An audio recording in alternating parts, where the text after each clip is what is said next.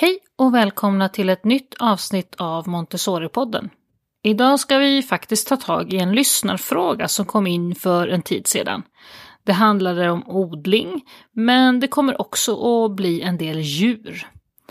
Åsa Andersson och Julia Sandberg på Montemini Helsingborgs Montessori-skola berättar om hur de arbetar med bägge dessa saker hos sig. Så jättemycket spännande tankar och inspiration. Jättesnäckor, bara en sån sak. Och äggkläckningsmaskin. Riktigt coolt. Är ni flera där ute som har erfarenheter av odling och djur? Dela gärna med er av detta på Montessori-poddens Facebook-sida. Jag heter Maria Schacki och gör denna podd för Montessori Sverige. Nu lyssnar vi på samtalet med Åsa och Julia.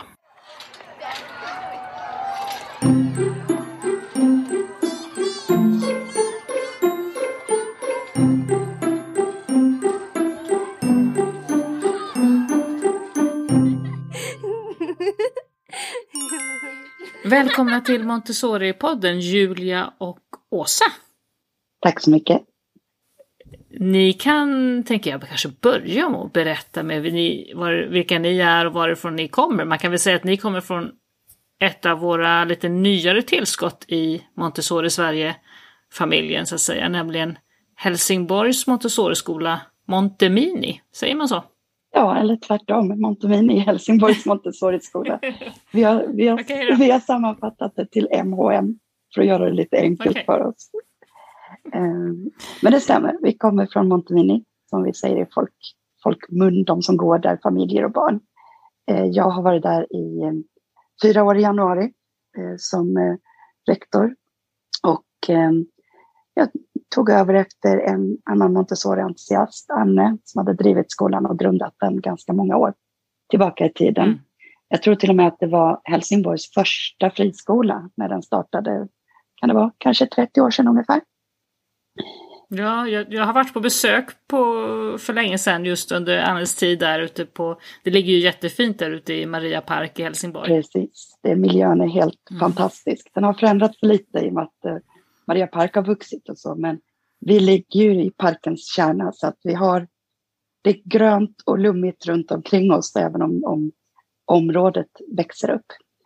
Vi har en friskola, eller vi är en friskola såklart som vi alla är eh, inom Montessori Sverige. Eh, vi har mm. förskola och grundskola upp till årskurs 6. Hur, må hur många barn har ni i huset totalt? Eh, det är eh, drygt 100 skolbarn och eh, ja, mellan 60 och 70 förskolebarn, så att någonstans 160-170 barn ungefär.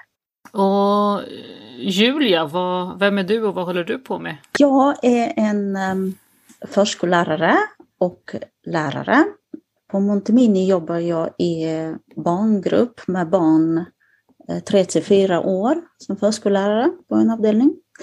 Eh, och jag är även musiklärare i alla årskurser. Anledningen till att vi pratar vid idag, det är att vi, egentligen var det så att för en tid sedan, ganska länge sedan, så fick vi en lyssnarfråga faktiskt till Montessori-podden om det här som löd så här att eh, det var en som jobbar på en Montessori-skola som är i startgroparna till att starta upp odling på skolan. Och det hade varit jätteintressant att få höra hur andra Montessori-skolor jobbar som håller på med odling i skolan. Kanske ett ämne till podden.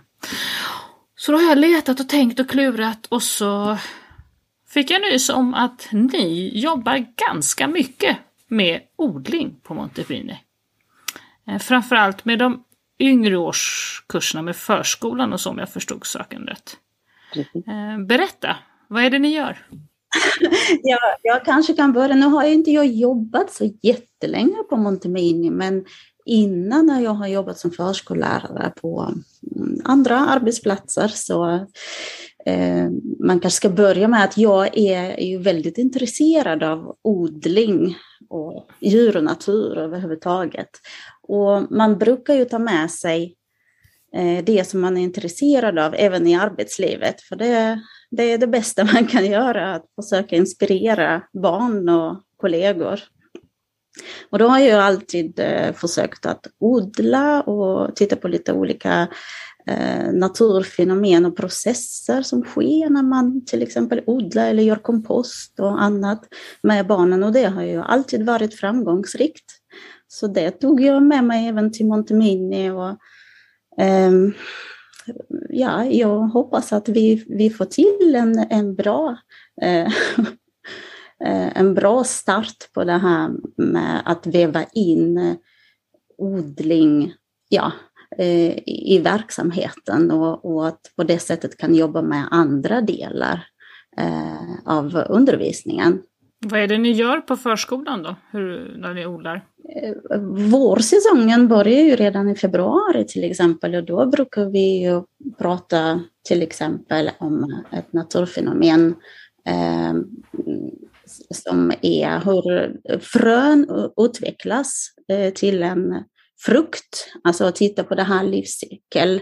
Och det bästa man kan göra är att titta på det i verkligheten, att barn då börjar eh, eh, odla och vi diskuterar vad som, vad som behövs för att frön skulle kunna gro och så först kommer det en grod och, och så vidare. Och sen följer vi plantans utveckling till exempel.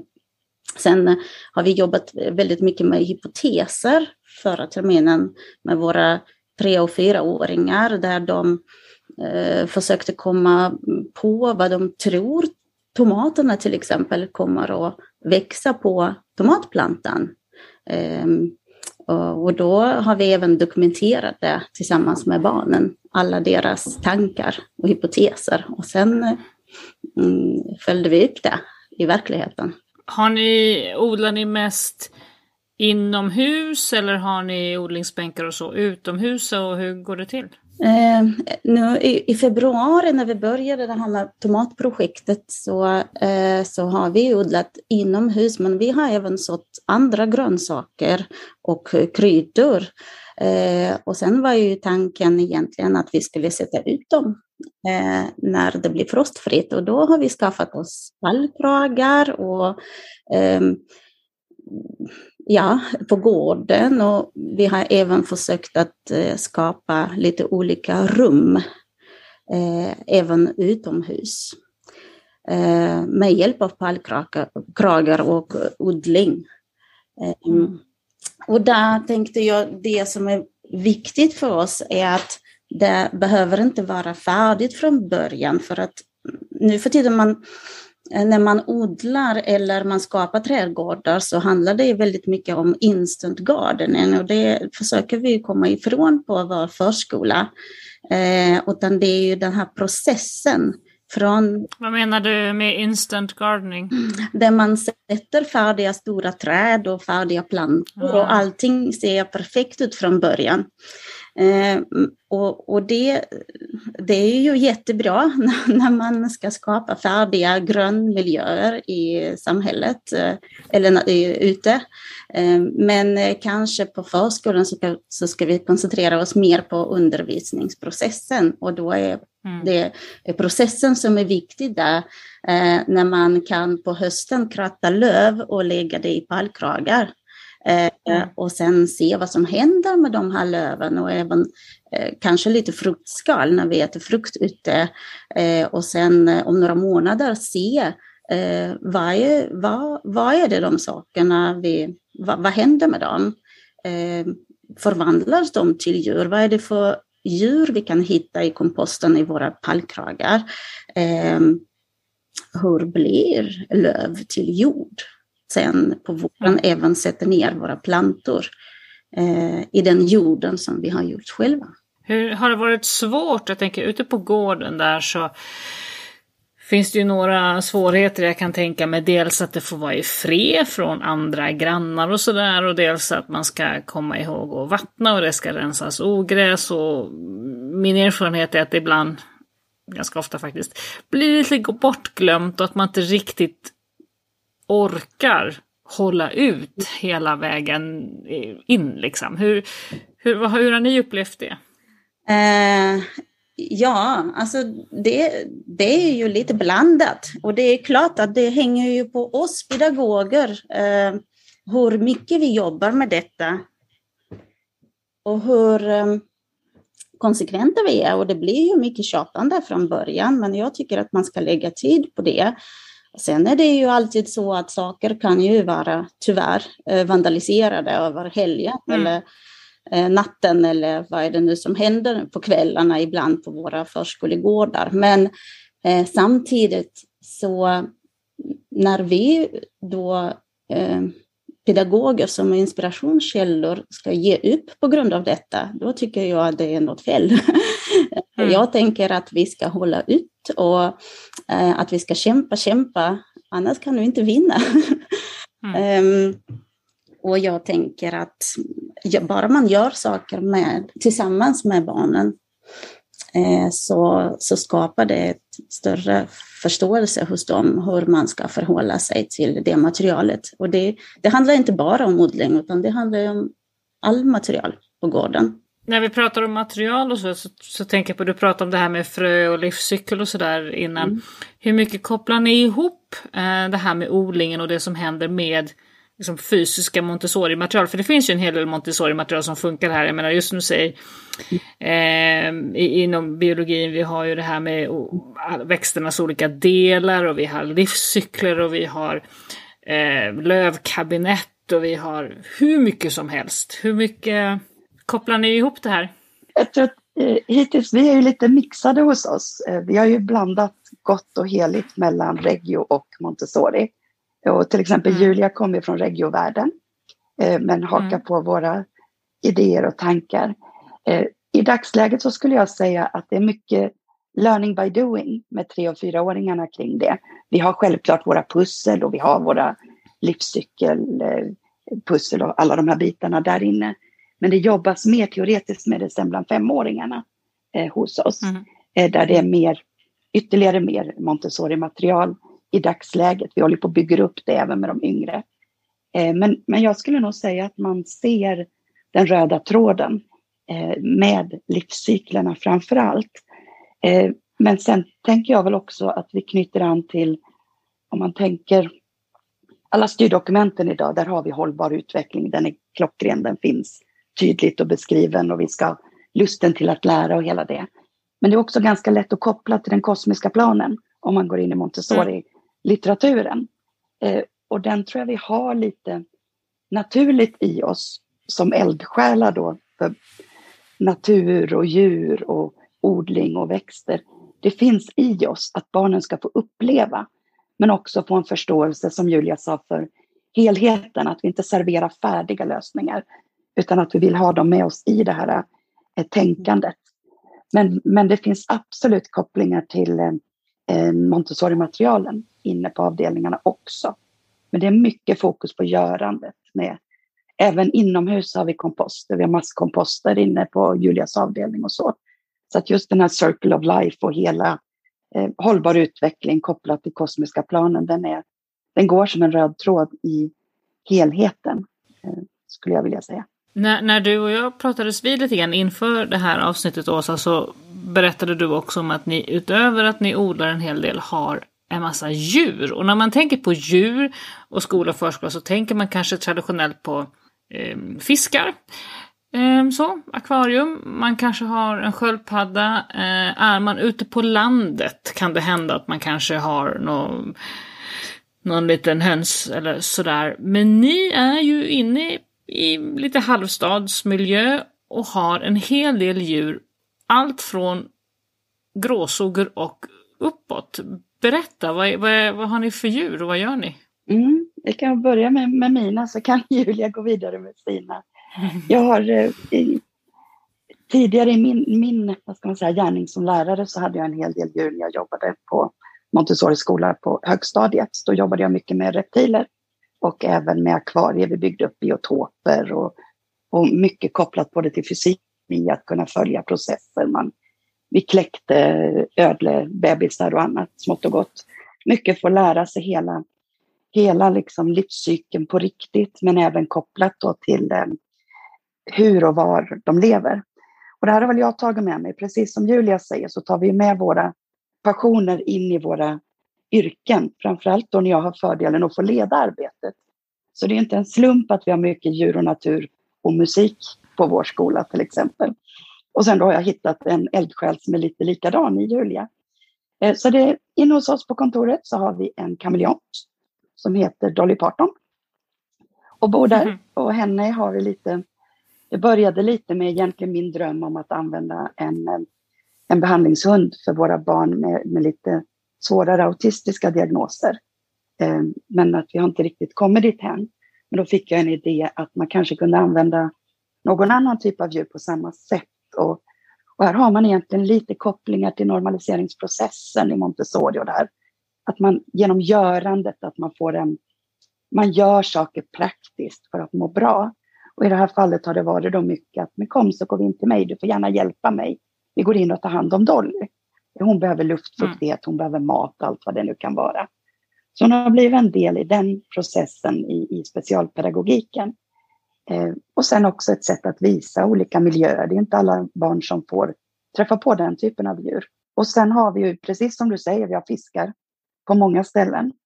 Eh, vi har eh, salamandrar och eh, snäckor.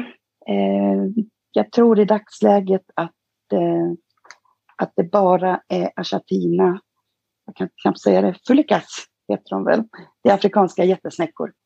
Och det är den vanligaste vi har idag. Vi har haft en par arter till. Hur stora är de? Du säger jättesnackor. De kan bli, ja, de kan väl bli ungefär som en knuten näve eh, i skalet. Oj. Så. Just nu har vi faktiskt en massa bebisar och de är inte ens en halv centimeter. Och det är ju just det att få följa livscyklerna, men du kan ju även koppla det till matematiken. Du mäter, du väger, du följer utveckling. Eh, sen har vi väsande kackerlackor. Har vi. De kommer från Madagaskar. Väsande? Väsande. Knackar du dem på ryggen ställer de sig upp och fräser. eh, vi har, sen har vi syrsor.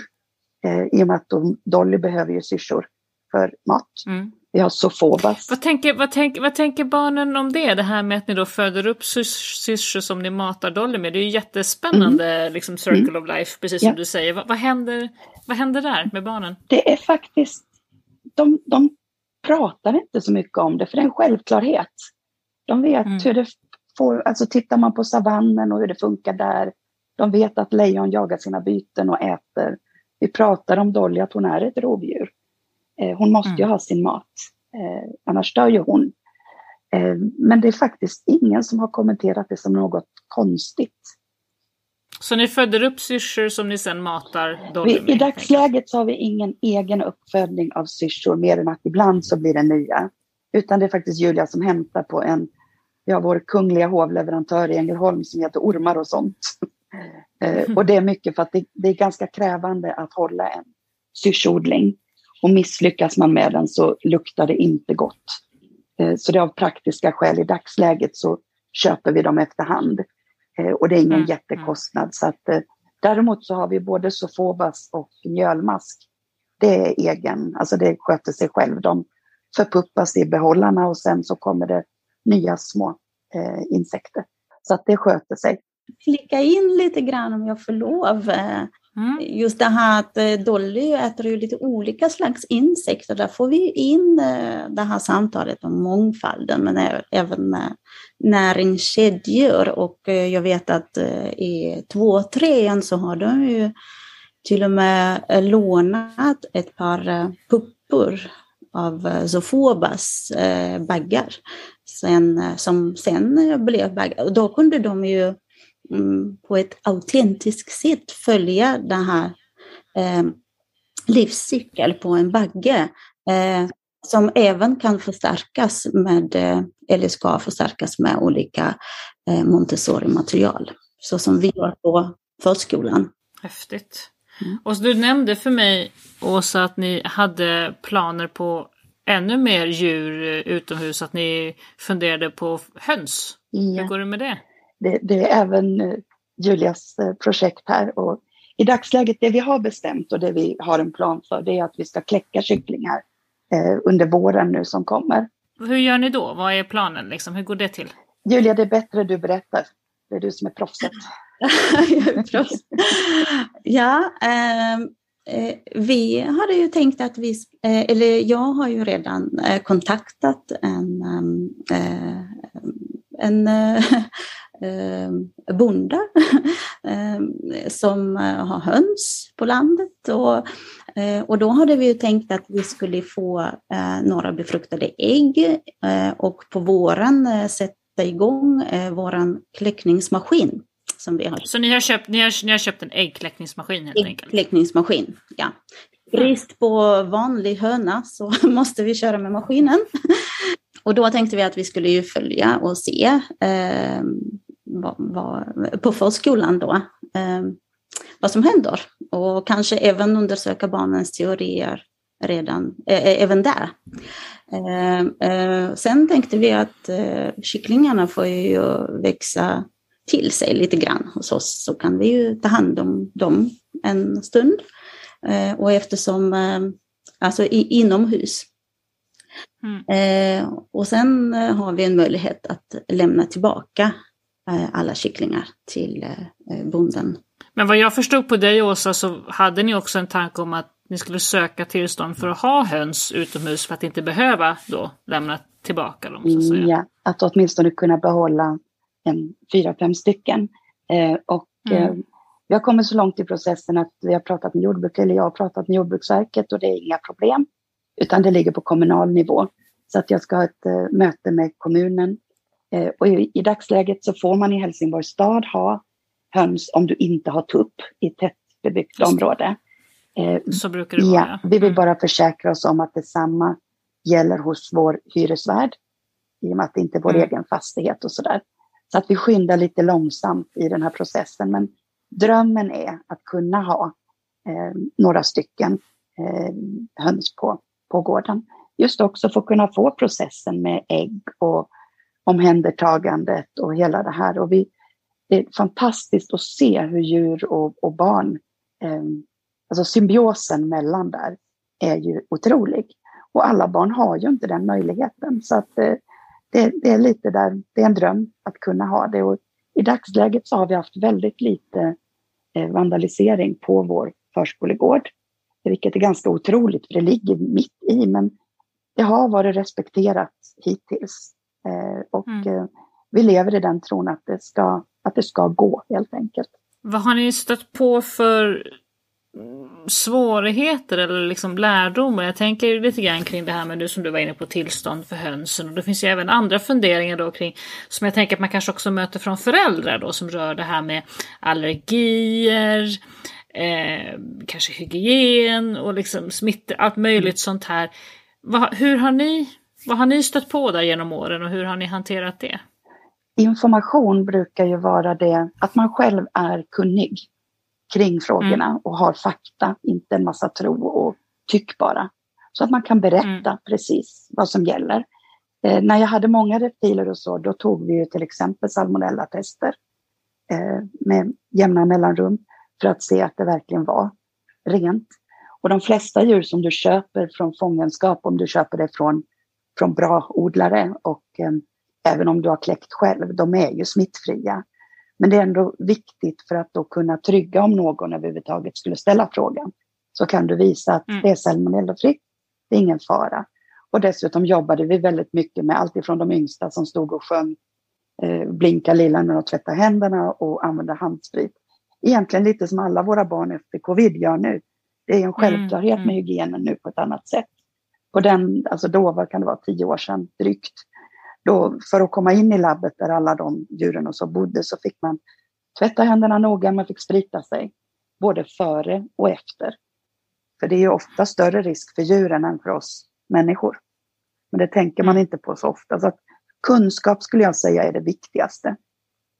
Och sen jobba lite med vissa fördomar. Eh, där man tror att eh, till exempel reptiler skulle vara väldigt mycket mer smittbärande än en hund eller katt till exempel vilket inte är riktigt sant. Eh, vi, mm. vi, jobbar med levande varelser. Det handlar om att sköta ordentlig hygien. Eh, jag har faktiskt inte på Montemini stött på några eh, negativa frågor eller så, utan bara mer att de tycker att det är roligt att vi utvecklar och, och viktigt att barnen får lära sig hela, eh, ja, men just näringskedjor på riktigt, inte bara i böcker och Montessori-material utan också handgripligen. Så att jag, jag mm. tror att vi faktiskt har, har lyckats eh, visa varför. Och har man visat syftet med någonting så är det ju sällan du får negativ feedback. Eh, faktiskt. Eh, det, mm. det, hittills i alla fall. Vi får säga peppa peppa, men det, det har bara varit positiv feedback hittills hos oss. Alltså du säger just information och att vara kunnig därför att det är ju alltid det man möter bland föräldrar kanske framförallt är ju någon typ av rädsla. Precis. Som ju oftast bemöts bäst med, med information. Mm. Mm. När ni odlar och så använder ni också en del av odlingen som mat då till, till djuren? Um, så eller hur hänger, har ni också kopplat ihop det? Vi har odlat väldigt eh, mycket kryddor eh, på, eh, inomhus i vår odlingsateljé som vi har gjort. Eh, vi har gjort om ett rum till odlingsateljé för vi mm. odlar mycket på, under vårterminen. Eh, så då blev det ju en ateljé då. Jag som kommer från regelvärld gillar ju det här ordet där man får, mm. får skapa ateljémiljöer och även odling kan ju vara en ateljé. Där man kan både undersöka, ta hand om och eh, jobba med sina teorier och dokumentera. Eh, och då har vi ju lyckats odla väldigt många kryddor från krasse till eh, timjan och så vidare. Och, och den har vi, barnen hämtat in när vi åt mellis och eh, klippte av delar och hade på macka till exempel. Och mm, mm. Där, där tycker jag det är så värdefullt att barn som nästan inte äter grönsaker tycker att detta är jättehäftigt och så äter de krasser som kan ju vara lite etsk och, och stark egentligen. Mm. Men äh, det är ju nyfikenhet som äh, övervinner allt. Och just mm. de har varit med och odlat fram det. Så äh, nu är vi på gång på gården med flera pallkragar och, och tanken är att vi skulle kunna odla eh, egna grönsaker som vi kan eh, ha som komplement till våra måltider. Det är min dröm i alla fall. Vad säger du Åsa? Nej men det är precis, jag, jag tror jag sa det till dig Maria när vi pratade tidigare också, just den här att vi, vi är ju också fortfarande i uppstartsfasen. Vi har hållit på intensivt nu under ett år kanske men det är ju det här med att hålla i och hålla ut när det handlar om att bygga upp trädgårdsmiljöer, om det ska vara på mm. riktigt. Eh, och vi har involverat fastighetsägarna, det är Helsingborgshem vi hyr av. Eh, så som det ser ut nu så kommer vi att få bygga upp en hel barnträdgård eh, där de också kommer att vara involverade. Så vi ska få ta bort alla såna fula buskar och grejer på vår utegård och istället sätta då fruktträd och eh, buskar med bär och så. Och det är ju, man ser ju framför sig här om två, tre år när saker och ting börjar bära frukt på riktigt. Vad härligt att kunna gå ut med barnen, plocka bär, lägga i filen på mellis, eh, plocka mm. äpplen, göra äppelmos. Eh, det är man, jag, jag, har ju tidigare jobbat både på Vikens Montessori och på Tellus i, i Höganäs och det var det så underbart med alla dessa äppelträd till exempel ja. som man kunde ta tillvara på och, och förädla. Eh, och hela förädlingsprocessen då blir ju, då kommer man ju in nästan i, jag som då har min bakgrund mest på högstadiet med ärtkinder och, och våra jordbarn, där vi ofta ja. odlade. Vi hade utanför klassrummet på Tellus så hade vi potatisland och vi odlade pumpor och det var eh, processerna ofta och själva arbetet men också glädjen av att plocka in mm. eget. Jag vet på halloween mm. när man kunde karva en pumpa som man hade faktiskt tagit hand om från det att den sattes som frö. Och att kunna ge det här även till förskolebarnen, det är ju en dröm för mig också, att man själva processen. Sen är inte jag, jag är inte begåvad med ett stort tålamod. Jag har fruktansvärt eh, kort tålamod. Så att det är en övning för mig att hela tiden ha de här långsamma processerna. Man får nästan se det som ett 5 till 10 års projekt innan det kommer att vara i full blom. Och det är tur då mm. att man har en som Julia som verkligen är passionerad trädgårdsentusiast även hemifrån och vet vad det innebär både med höns och vaktlar och odling och, och hela processdelen. Eh, för ska man överhuvudtaget kunna göra sådana här saker, då krävs det eldsjälar. Eh, mm. För precis det du pratade om Maria med att eh, ja, men det måste ju underhållas, det måste vattnas, det måste skötas, även när det är tråkigt. Jag tror, ja, jag tror att det är ganska många av oss som kommer ihåg havererade odlingsprojekt. Mm, precis. Som har havererat någonstans i juli ja. när sommarvikarierna inte orkar vattna längre. Precis så, och det är därför det är så viktigt att man smittar av sig och får någon form av kollegial passion för hela mm. idén. Att det måste vara idéburet, mm. det kan inte bara vara projektburet. Utan det, det måste vara liksom ett långt, härligt projekt tillsammans. Eh, jag hämtar ju väldigt mycket inspiration eh, från eh, permakultur till exempel, där man pratar ju om eh, hur man optimiserar den här odlingen och att man eh, jobbar med eh, naturen, alltså att man inte sätter torktåliga växter på den eh, blötaste eller fuktigaste platsen i, i trädgården och hur kan man samarbeta med all vatten som rinner i våra stuprör? Eh, mm. Hur kan vi eh, leda det på ett annat sätt? Och, och jag tänker så här att det är ju eh, kunskap och utbildning som krävs för att man inte skulle tycka att det bara innebär en massa inköp och arbete, onödigt arbete man ska lägga på odling. Odling ska inte vara det, utan eh, eh, det ska ju göras på rätt sätt, tänker jag. Det är väldigt lätt att hitta, eh, jag ska säga, det är väldigt gynnsamt på så väldigt många olika plan. Eh, både mm. ur ett eh, att väcka nyfikenhet och lust att lära för livet. Eh, men också att det är så otroligt många delar av våra läroplaner och styrdokument som man får med sig genom att göra så här. Eh, och, och det är roligt. Och lust väcker ju liksom lusten att lära. Är det lustfyllt så blir det, det, blir, det är lättare att komma ihåg. Ett barn som får rota runt i myllan eh, kommer ju ihåg det mer än om den bara sätter på en bild. Så det är väl liksom själva konsensus i det, att det, det är så, det är inte svårare än att göra. Men man måste känna att man tycker det är roligt själv, för annars kommer du aldrig att smitta av dig.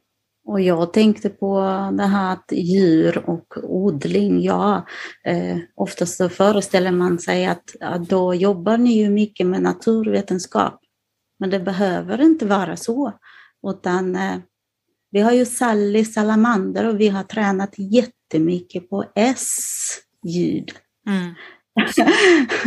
så jag tänkte det behöver inte vara eh, naturinriktning eller något annat eh, som med ja, naturvetenskap att göra, utan vi tar in alla läroplansmål eh, i vår undervisning. Men vi jobbar mycket med djurodling. Ja men vad härligt, då hoppas jag att ni får till det med era kycklingar och höns nästa år. Så att det liksom... Men det här med äggkläckningsmaskin låter lite spännande. Är, är det dyrt med en sån eller hur gör man? Den håller ju för all framtid, de, de har lång, lång livslängd. Det finns från mm. ungefär 3000 kronor. Jag tror att den vi köpte kostade 3 500. Men då tänker vi oss att använda den här minst en gång om året. Hur många ägg får man plats i en sån då? Eh, och rätta mig om jag har fel Julia, men är det 14 eller 16 eller något sånt? Va? Jag tror att det var 22. Är det till och med det? Ja, det kan det vara. Jag kan eh, inte mm. riktigt, men det var ganska många. ja, och, okay. och det finns billigare alternativ eh, till de här. Men då måste man åka dit dagligen och i och med att vi ändå är en verksamhet som har stängt på helger så behövde mm, vi en maskin som vänder äggen. Så att den här mm. rullar äggen automatiskt och håller också kontroll okay. på luftfuktigheten. Så att det är det mm. som gör att den då kanske blev 500 kronor dyrare eller någonting sånt. Men det, mm, mm. tänker man sig att den ska hålla i 20 år, eh, vilket de har lovat på Lantmännen, så eh, då är det ju ingen jättestor kostnad. Då är det 150 kronor per år. Så. Hur lång tid tar det ungefär då när man lägger in sådana ägg? Julia, du har bäst koll tror jag. Är det tre veckor? Eh, Ja, nu, nu håller jag på mycket med vaktlar hemma och då är det 17 dagar tror jag. Jag tror det var några dagar till på äggen. Vi har en mm. Ja, jag vill minnas att det är, ja, men jag vill minnas att det är ungefär tre veckor. Mm. mm. En dag eller något, något sånt mm. står det. Mm. Ja. Precis. Eh, min tanke mm. var att jag ska läsa på det lite mer ordentligt innan vi sätter igång det. Mm. Men tre veckor ungefär? Ja. Och då tänkte vi ju faktiskt få in, i och med att det ligger rätt i tiden, så är ju planen att de här ska kläckas lagom till påskveckan. Det var därför vi blev lite för sent på det förra året. För då vill vi ju koppla allting med färgen gul och så kan vi få in högtiderna och så kan vi få in då kristendomsdelen där i Montessori-pedagogiken med ja, att koppla det till högtiderna helt enkelt. Så det var en liten utsvävning från naturvetenskapen som gjorde att vi valde att vänta till år två. Gör, om ni gör en liten eh, stop motion kamera där så får ni in lite digitala saker. Det kan ju bli hur roligt som helst. Precis. Ja. Ja, själva kläckningen. Ja. Jag är bara lite eh, rädd att, på, att svaret på frågan vad kommer först, ägget eller hönan? Så kommer våra barn säga äggkläckningsmaskin. Vi får göra besök till bonden också Julia, koppla det kanske och åka ut och hälsa ja, på. Ja. Eh, men det är... jag, ser, jag ser framför mig fantastiska stop motion filmer ja, på äggkläckning. Det, det är faktiskt häftigt och vi har ha. fler grejer där man skulle kunna göra det just de här processerna som är längre, även odling. Tycker jag mig att man har sett fråga, har, har, ni, har, ni, har ni gjort uh, sådana stop motion filmer på odling med frön och så? Eh, vi har inte gjort på skolan i alla fall. Har ni hunnit göra det Julia än? Ja, jag har gjort det i mitt arbetsliv eh, på andra ställen, men eh, mm. Eh, just eh, förra terminen så har vi inte gjort stop motion-filmer. Utan, eh, då var det ju mer koncentration att, på att eh, vi skulle dokumentera, eller barnen skulle själva dokumentera med hjälp av andra eh, verktyg sina teorier kring mm. fröns utveckling. Och då var det ju det som var fokus. Men absolut så är ju att använda digitala verktyg just för dokumentation av processer, det är ju ovärderligt. Och det har, har ju vi gjort, eller jag och mina kollegor, flera mm. ja. Mm. Mm. ja, men mm, vad härligt. Då önskar jag lycka till både med odlingen och med hönsen nästa år, kycklingarna. Det låter jättespännande. Tusen tack. Ta tack så jättemycket.